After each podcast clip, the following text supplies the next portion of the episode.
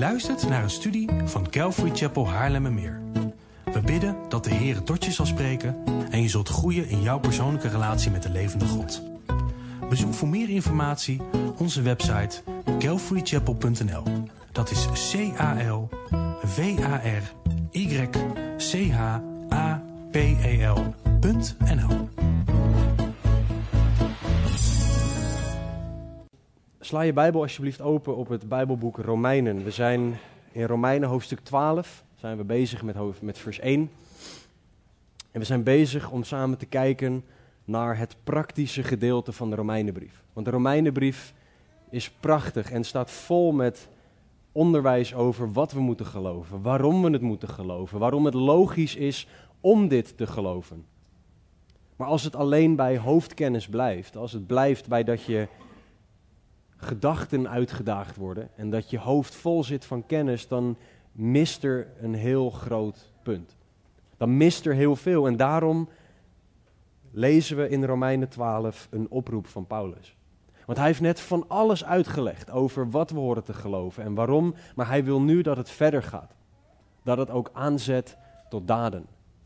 En Paulus schrijft dan in Romeinen hoofdstuk 12, vers 1: Ik roep u er dan toe op, broeders door de ontfermingen van God om uw lichamen aan God te wijden als een levend offer, heilig en voor God welbehagelijk. Dat is uw redelijke godsdienst. En vorige keer hebben we gezien dat Paulus ons oproept om een levend offer te zijn. En we hebben gezien dat God daarmee het beste van ons wil. Want offers onder het Levitische systeem, het systeem dat we in Leviticus leren, moesten het beste zijn. Zonder enig gebrek. En wij moeten een levend offer zijn, vrijwillig voor God. En dat is hoe God wil dat wij onszelf geven. Maar Paulus zegt meer in dit vers en daar willen we vandaag naar kijken. Hij zegt dat we heilig en voor God wel behagelijk moeten zijn. En dat is waar we vandaag op in gaan zoomen. Dus laten we bidden en daarna samen de tekst ingaan.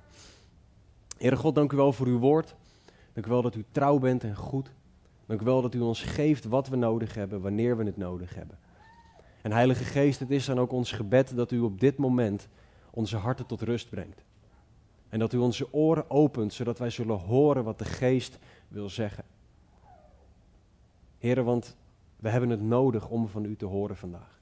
We hebben het nodig dat u tot onze harten spreekt. En we hebben het nodig dat we u beter leren kennen. Dus heren, doe in ons wat alleen u kan, alstublieft.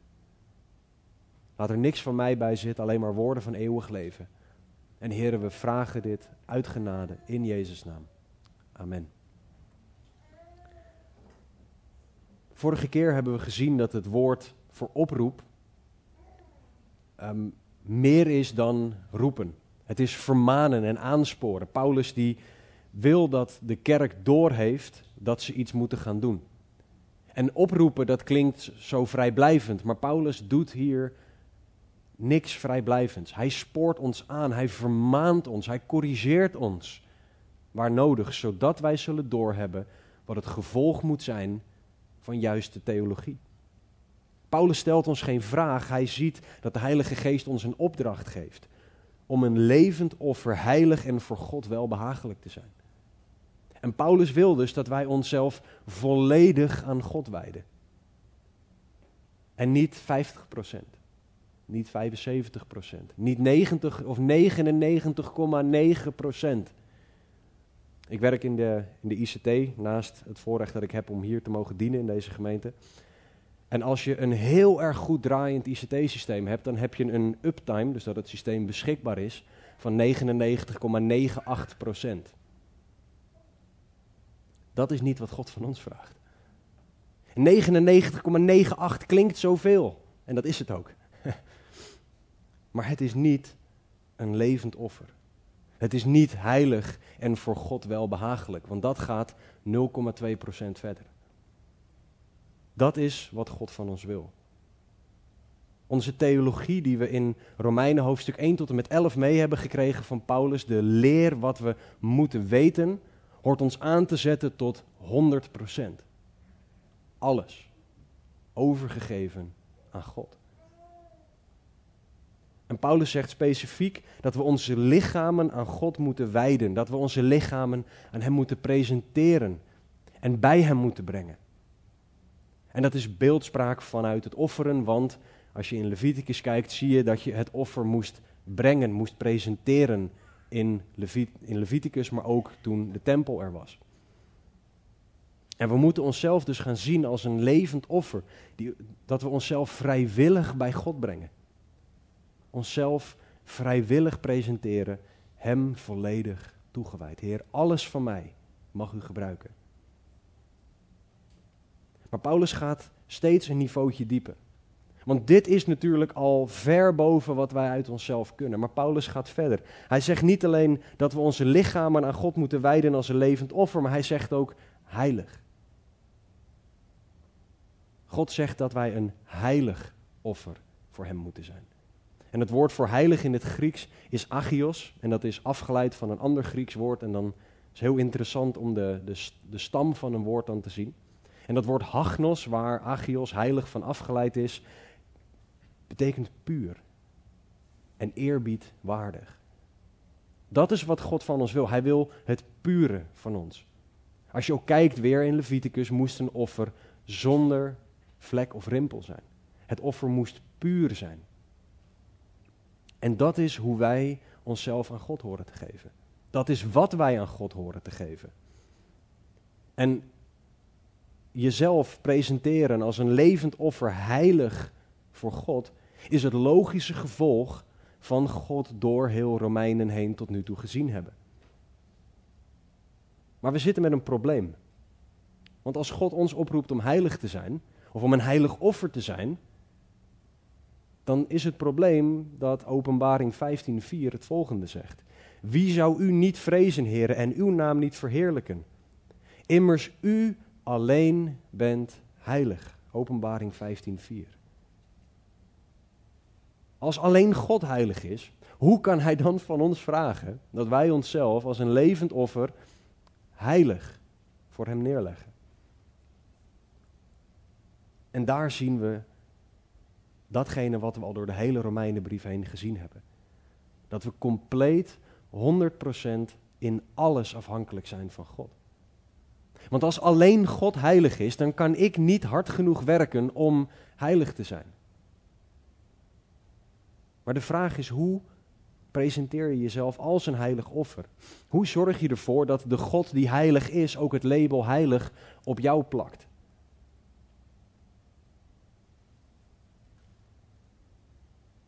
Het antwoord is beschikbaarheid. Want als het niet afhangt van mijn werken, dan hangt het ervan af of ik beschikbaar ben voor wat God in mij wil doen. Of dat ik hem tegenwerk.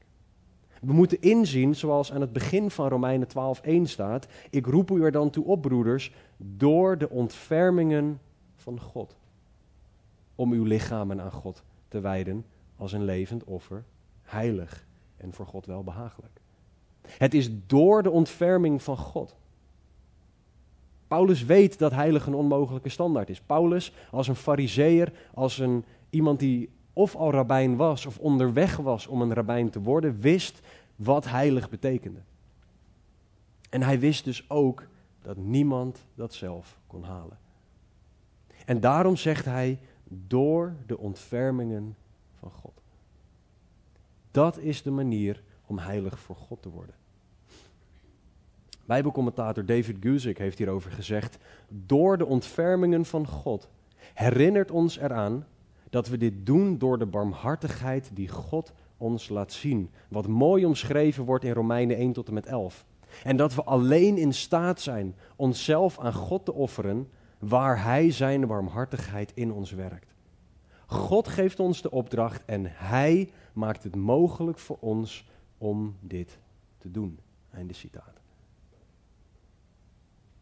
Als Hij degene is die de opdracht geeft. En als Hij degene is die het werk moet doen. Wat moeten wij dan doen behalve zeggen, Heer, hier ben ik. Ik ben beschikbaar voor u om het werk van heiliging in mij te doen. En het is heel belangrijk dat we inzien dat God ons niet vraagt om beter ons best te doen, harder te werken, meer uren erin te stoppen, betere ideeën op te wekken, meer zelf iets te gaan doen. Nee, door de ontfermingen van God. Hoe meer je als christen leert om een christen te zijn, hoe meer je ziet, ik kan het niet. En Heer, ik heb u nodig. Hoe langer je christen bent, hoe meer je erachter komt hoe verdorven je bent, hoe slecht je daadwerkelijk bent. En daardoor hoe meer je afhankelijk bent van de ontfermingen van God. En in de Romeinenbrief hebben we juist geleerd hoe afhankelijk we van Hem zijn. Want we hebben gezien dat wij allemaal doemwaardig zijn. In hoofdstuk 1 tot en met 3. We hebben gezien dat we geloof in Hem moeten hebben, niet geloof in onszelf. In hoofdstuk 4 tot en met 6. We hebben gezien dat God het werk van heiliging in ons doet in Romeinen 7 en 8. En dat God trouw is in hoofdstuk 9 tot en met 11. Niks daarvan hangt af van mij. Alles hangt af van God. We zijn totaal afhankelijk van Hem. Door de ontfermingen van God. Dus wij moeten bereid zijn, beschikbaar zijn. Wij moeten leren om alles op te willen geven voor God. Alles over te willen geven aan Hem. Zodat we heilig kunnen leven. In Leviticus roept God Israël meerdere malen op om heilig te zijn. Bijvoorbeeld in Leviticus hoofdstuk 20. En in Leviticus 20, vers 7 en 8 staat het volgende. Heilig uzelf en wees heilig, want ik ben de Heere uw God. Houd mijn verordeningen en doe ze. Gelukkig stopt God daar niet, want hij zegt nog, ik ben de Heere die u heiligt. Leviticus 20, vers 8. Dat is onze God. Hij roept ons op tot het onmogelijke en zegt daarna, en ik ben degene die dat in jou gaat doen. Werk jij mee? Gisteren, bij een van de studies die we van Job van Beek kregen, die bij Hebron Missie werkt, omschreef hij het heiligingsproces als volgt. Ik zou willen dat ik deze vergelijking zelf bedacht had, maar deze broeder heeft dat heel mooi bedacht. Bij de deuren die we er straks bij de voorkant van de Hebron zagen, daar hebben ze een, zo'n, zo'n dubbele elektrische deur. Dus je moet eerst door de ene heen door een sensor en daarna door de tweede deur. En hij zegt, ik kan die deur in een stand zetten dat de sensor zo werkt dat je niet ook nog die druppel nodig hebt. Zo'n zo'n zo'n tag om de deur open te kunnen doen. Er zit namelijk een sensor en een setting waardoor als je dichtbij genoeg komt, als je die stap zet, gaan beide deuren open. Hij zegt maar, er gebeurt niks als jij niet bereid bent en niet die stap zet naar die deur. Ik kan de, de instellingen zo instellen dat alles werkt, dat alles goed gaat, dat alles voor je klaar staat. Maar als jij niet die stap zet naar die deur, gaat die deur niet open. Zetten wij die stap naar God om heilig te zijn? Zijn wij bereid om die stap te zetten naar Hem en te zeggen: Heer, ik wil heilig zijn?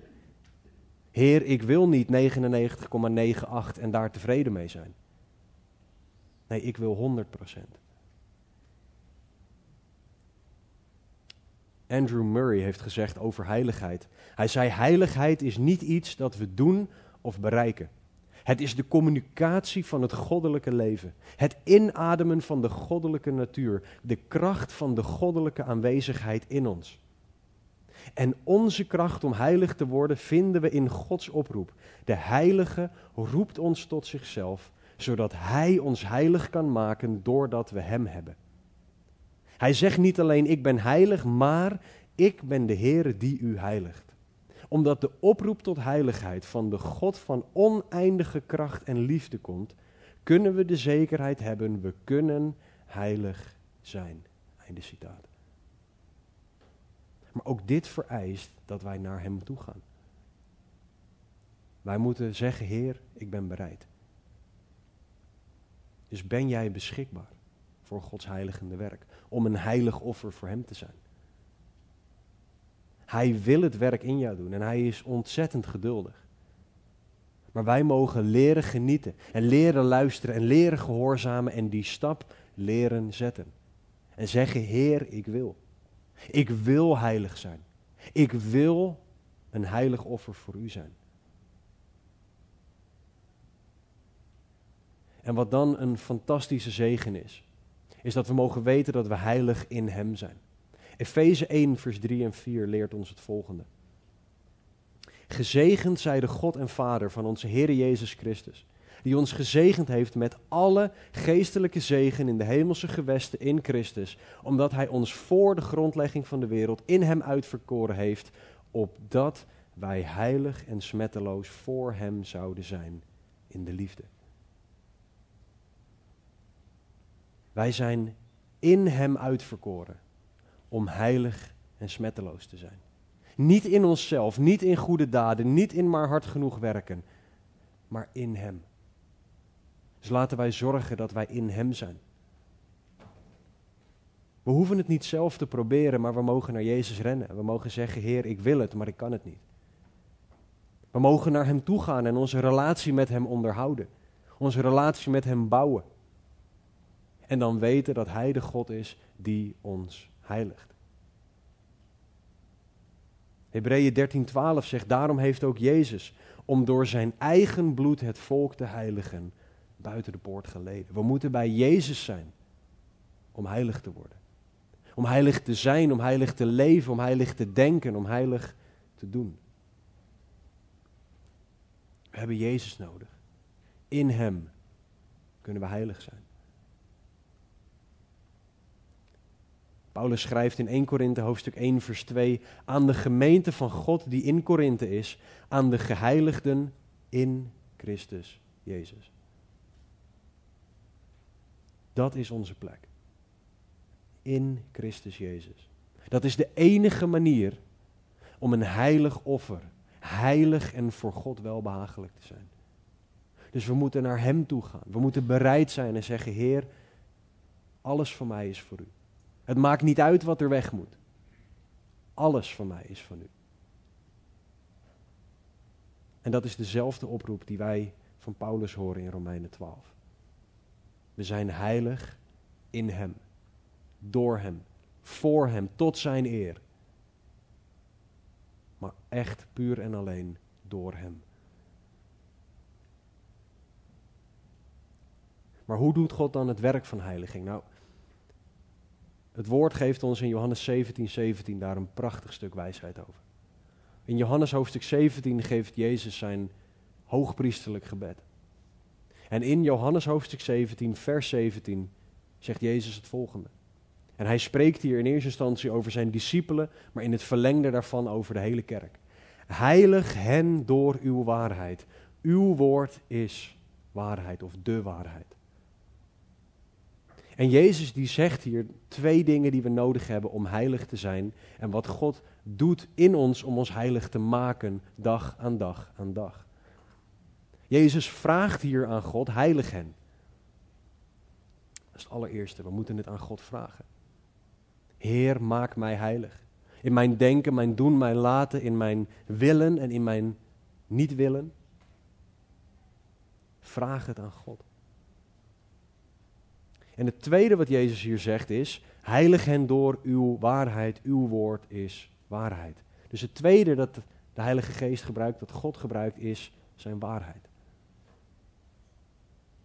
En we moeten beginnen met vragen aan de God die heiligt, de God die heilig is, om ons heilig te maken. Maar ik wil kort inzoomen op het tweede, door Gods waarheid. En wij lezen hier vaak direct uw woord. Maar is dat wat er staat? Heilig en door uw waarheid.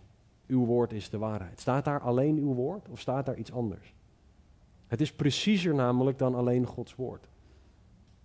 En dat klinkt gek wat ik nu zeg, dat weet ik. Maar we hebben Gods waarheid nodig. Wat verder gaat dan alleen Gods woord. Want er zijn heel veel theologen die de Bijbel hebben, maar hem niet als waarheid zien. De Universiteit aan Leiden stond bij haar theologische faculteit bekend omdat dat de plek was waar mensen hun naartoe gingen om hun geloof te verliezen. Dat is iets heel slechts om voor bekend te staan trouwens. Maar die mensen bestudeerden de Bijbel, die kenden de Bijbel, konden delen van de Bijbel opdreunen, maar ze zagen het niet als waarheid. En dat was hun probleem. Want je kan het woord hebben, je kan het woord lezen, bestuderen, zelfs beamen maar toch niet leven dat het Gods waarheid is. En Gods woord ten opzichte van Gods waarheid gaat veel verder.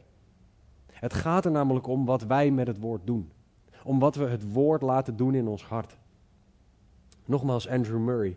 Net zoals er mensen zijn die nauw contact en continue omgang hebben met Jezus, voor wie hij slechts een man was en niet meer, zo zijn er christenen die het woord kennen en begrijpen, terwijl de ware geestelijke kracht hen vreemd is.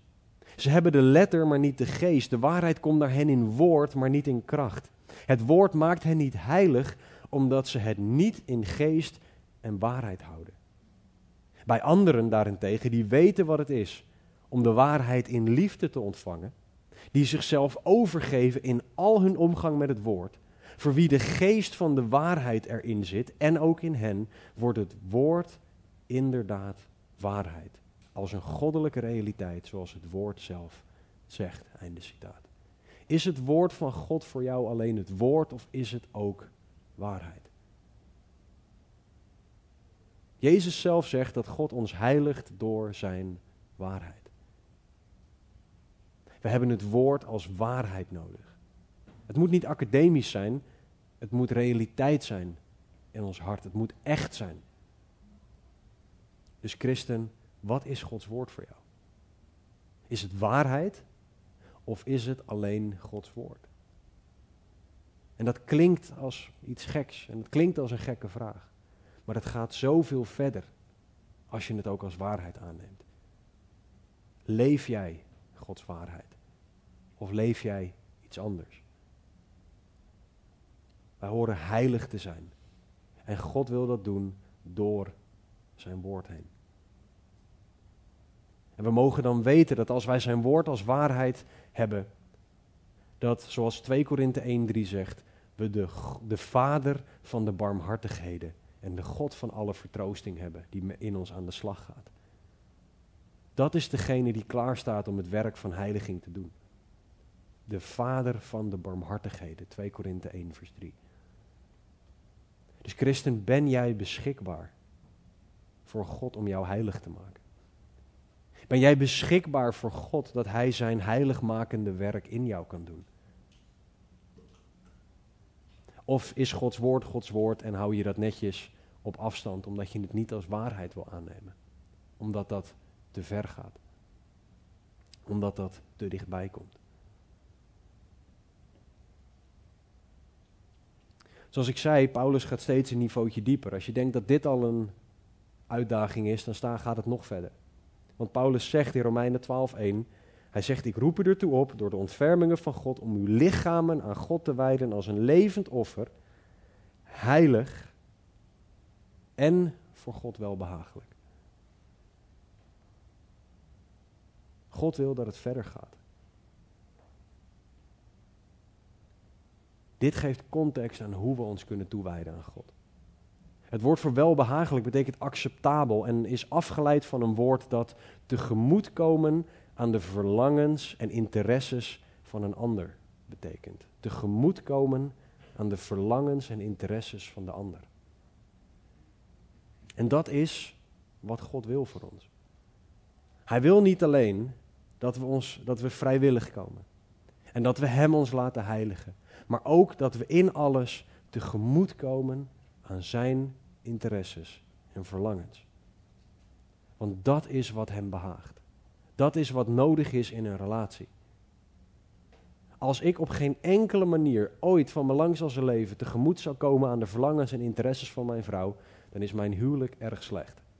En dan vooral doe ik het slecht. Je moet leren om tegemoet te komen aan de verlangens en interesses van de ander. En dat betekent dat je moet sterven aan jezelf. Want het kan best zijn dat je iets echt totaal oninteressant vindt, maar dat je uit liefde voor de ander iets gaat doen. Dat is wat God van ons vraagt. Dat wij onszelf ook nog eens helemaal afleggen. En dat we tegemoet komen aan zijn interesses. Aan zijn verlangens. Omdat dat goed is.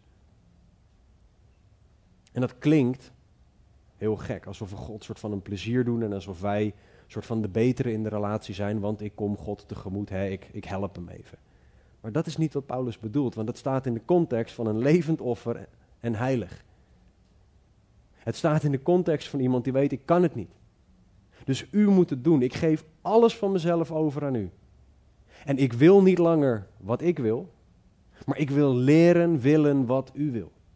En ik wil leren verlangen wat u wil. Ik wil leren in, geïnteresseerd te zijn in waar u in geïnteresseerd bent. Hoe meer we God leren kennen, hoe meer het logisch wordt om jezelf over te geven. Hoe meer we zijn verlangens en interesses gaan leren kennen, hoe meer we ook Hem tegemoet daarin zullen komen in totale afhankelijkheid. In een relatie kan je kiezen om de ander tegemoet te komen. En God wil dat wij kiezen voor Hem. Dat wij kiezen om naar Hem toe te gaan. Dat we kiezen om onszelf ondergeschikt te maken aan Hem. Maar de vraag is dus, kies jij voor Hem, voor Zijn wil, voor Zijn verlangens, voor Zijn interesses, die Hij ons in het woord geeft? Of ben ik zo belangrijk dat ik mijn wil gedaan wil zien? Heer, ik heb een plan, zegen mijn plan. Heer, dit is mijn wil. Zorgt u even dat het gebeurt. Of Heer, wat is uw wil? En hoe wilt u mij erin gebruiken? We mogen door geloof leven, want uit Hebreeën 11:6 staat er dat je alleen in geloof God kan behagen. En in het geloof kunnen we leren om Hem te behagen. Om Zijn verlangens te leren kennen, Zijn interesses. En we moeten leren leven uit geloof in plaats van eigen kunnen. En voor de duidelijkheid, dat is niet altijd een makkelijk leven. Ik zal hier niet staan en zeggen dat als je in God gelooft, dat dan alles in je leven alleen nog maar fantastisch, roze geur en maneschijn is. Dat er nooit meer iets vervelends zal gebeuren. Dat je nooit meer door iets lastigs heen moet gaan. Maar waar je ook doorheen gaat met God, is het waard omdat je meer op God gaat lijken. Omdat je God meer gaat leren kennen. En misschien moet je dingen van jezelf opgeven, van je nooit had gedacht dat je dat zou moeten opgeven. Misschien wil God zo dichtbij komen op een plek waarvan je niet eens wist dat God kon komen. Maar wij mogen leren om onszelf over te geven. We moeten leren om te kiezen voor God in de plaats van voor ons comfortabele leven. Kies je voor je eigen wil en een beetje van God of is het alles van God? 100 procent. En sterf ik zelf. Heilig en voor God wel behagelijk. Nou, Paulus eindigt dit stuk met het statement: heilig en voor God wel behagelijk, dat is uw redelijke godsdienst. En wat Paulus hier zegt, het is redelijk, het is logisch, het is in overeenstemming met het woord om dit te doen. En hij stelt hier geen vraag van denk jij dat dit logisch is? Of vind jij dat dit logisch is? Ik kom er de laatste tijd sowieso veel meer achter dat God eigenlijk heel weinig geïnteresseerd is in mijn mening. Zoals Nederlander af en toe best pijnlijk. Maar God stelt geen vraag. Hij laat hier een logisch gevolg van redding zien. Een logisch gevolg van zijn trouw, zijn heiliging, van het geloven en het inzien dat je doenwaardig bent. Oftewel Romeinen 1 tot en met 11. Een logisch gevolg van alles wat we behandeld hebben tot nu toe,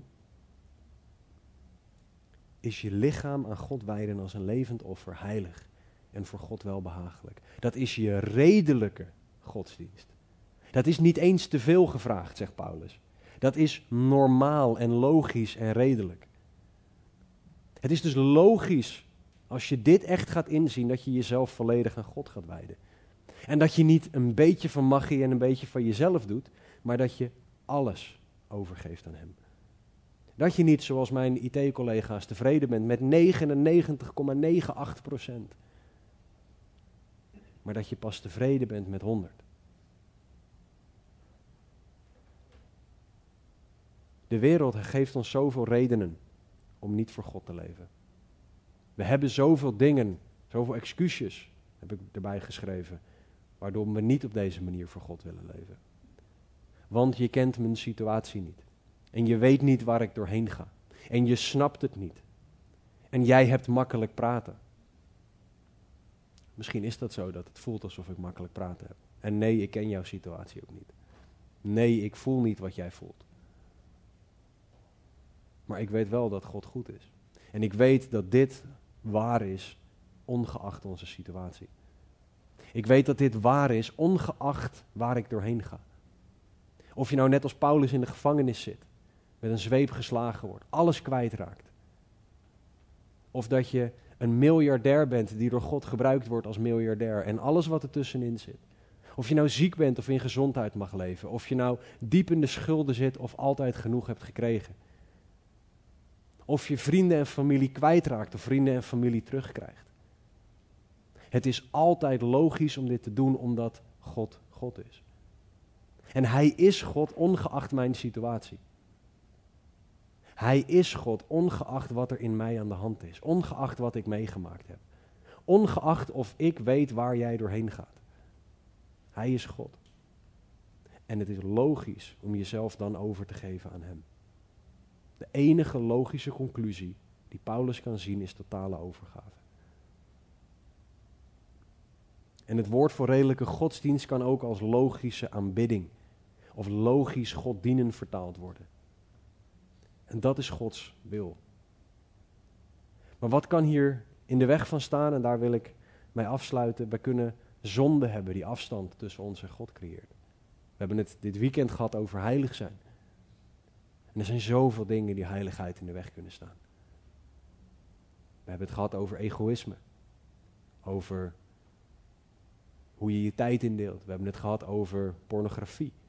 Over lust. Over geldzucht. Over welke zonde dan ook. En elke zonde, zoals Jesaja 59 ook leert, brengt scheiding tussen mij en God. En als je vasthoudt aan die zonde, als je niet heilig wil zijn, als je het niet overgeeft aan God met de volle 100%, dan brengt het afstand tussen jou en God. Het kost je misschien niet je redding, maar wel je effectiviteit. En daarom zegt Psalm 139, vers 23 en 24 ook: Doorgrond mij, o God, en ken mijn hart, beproef mij en ken mijn gedachten. Zie of er bij mij een schadelijke weg is en leid mij op de eeuwige weg. Is een gevaarlijk gebed trouwens om dit te bidden. Als je dit aan God vraagt, gaat hij het ook laten zien. We zijn niet altijd blij met de resultaten die God geeft. Maar we moeten onze zonden beleiden, dingen rechtzetten met God en mens, zodat we naar Hem toe kunnen gaan en kunnen zeggen, Heer, hier ben ik. Ik wil heilig, welbehagelijk voor U zijn, met mijn als redelijke godsdienst.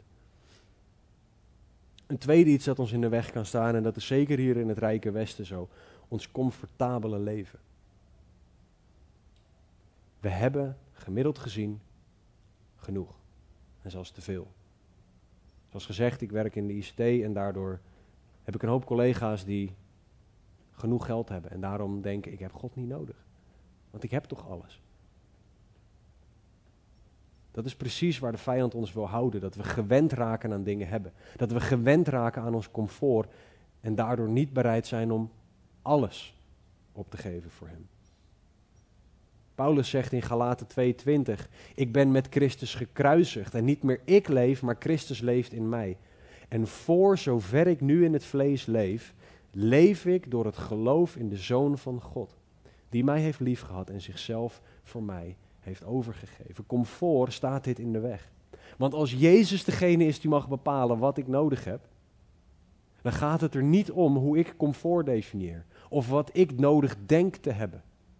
Het gaat erom wat God vindt dat ik nodig heb. Het gaat erom wat God mij geeft. En dat wij niet op de troon gaan zitten en zeggen: Heer, dit is wat ik nodig heb, dus geeft u mij dat alstublieft. We moeten onszelf aan God wijden. En inzien dat Christus in ons leeft. En dat we leven door het geloof in de Zoon van God. En dat Hij ons dan gaat schenken wat nodig is. Het laatste wat ons in de weg zit. Om heilig en voor God welbehagelijk een levend offer te zijn. En dat allemaal als redelijke godsdienst te zien, is als je een verkeerd godsbeeld hebt. Paulus is de hele Romeinenbrief al bezig om een juist godsbeeld neer te zetten. Het juist zien van wie God is. Ook bij de drie studies die wij gehad hebben van Job van Beek tijdens het mannenweekend, begon hij zo goed met de inspirator van de brief. En dat is God. Hij begon met God, ik ben die ik ben. Als jij God niet ziet voor wie hij is, als je niet een correct beeld hebt van wie hij is, zal je het niet logisch vinden om hem te gaan dienen. Zal je het niet logisch vinden om jezelf helemaal over te geven. Jesaja zag God voor wie hij echt was. En hij werd zo klein en kleiner. Maar doordat Jesaja God zag voor wie hij was, kon God de vraag stellen: wie zal ik zenden? Wie zal er voor ons gaan? En er staat niet, Jesaja dacht, ja, dat is een goede vraag. Geen idee, Heer, wie zal het zijn? Nee, Jesaja zag God. Jesaja werd geheiligd door God. Jesaja wist, u bent zoveel groter dan ik. En zijn antwoord was, zie, hier ben ik, zend mij. Als Jesaja niet eerst God gezien had, zou hij waarschijnlijk niet gegaan zijn.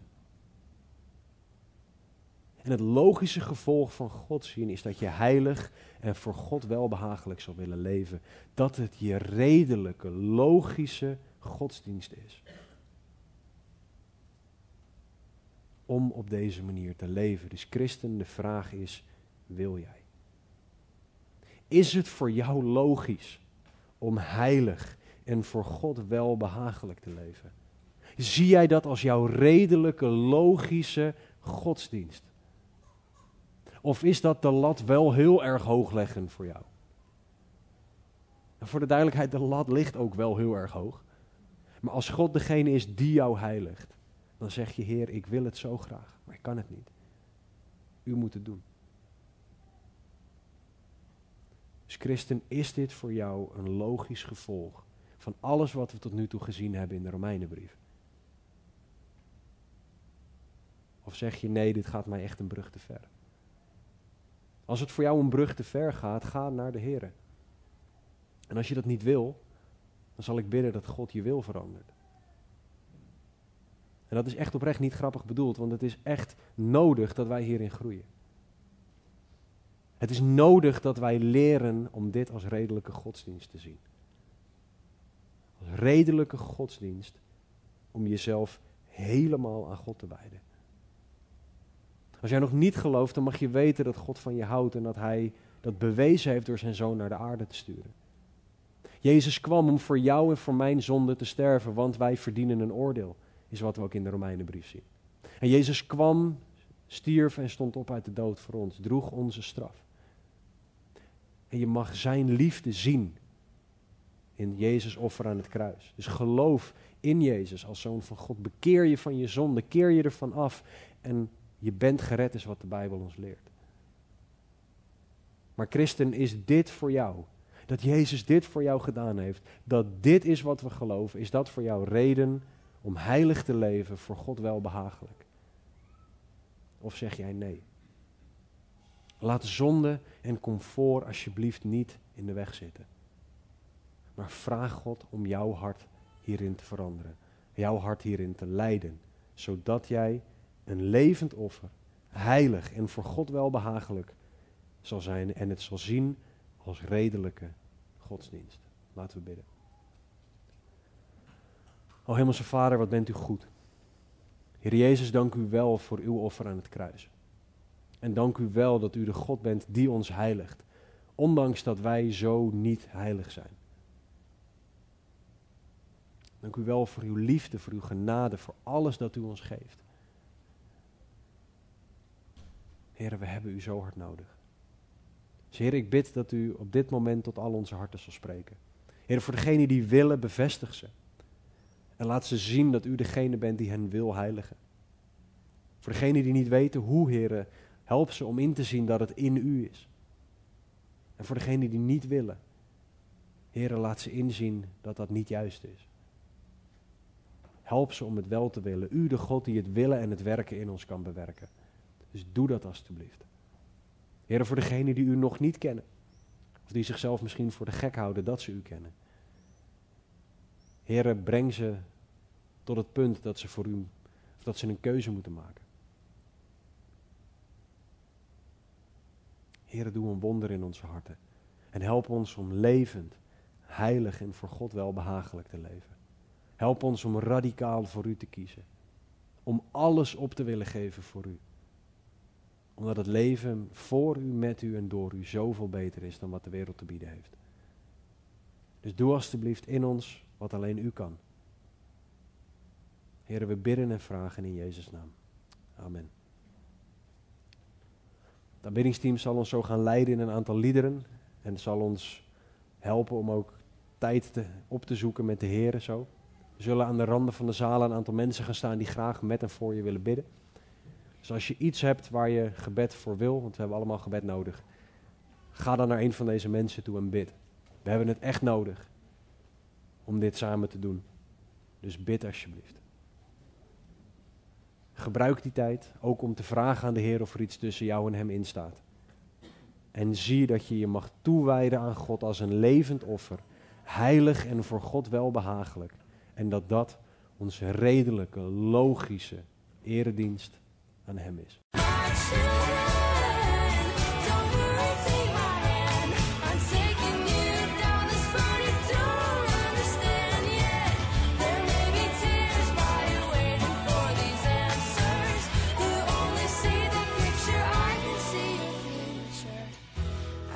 tell you right now, it's gonna be alright.